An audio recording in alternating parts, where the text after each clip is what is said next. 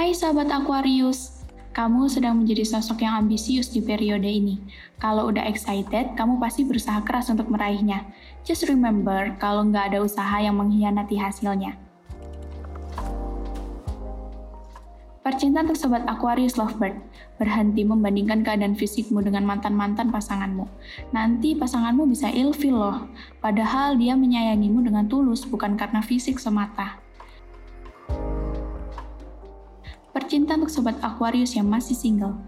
Menunjukkan kemampuan diri yang terpendam mungkin bisa menjadi jalan ninja untuk menarik perhatian si dia.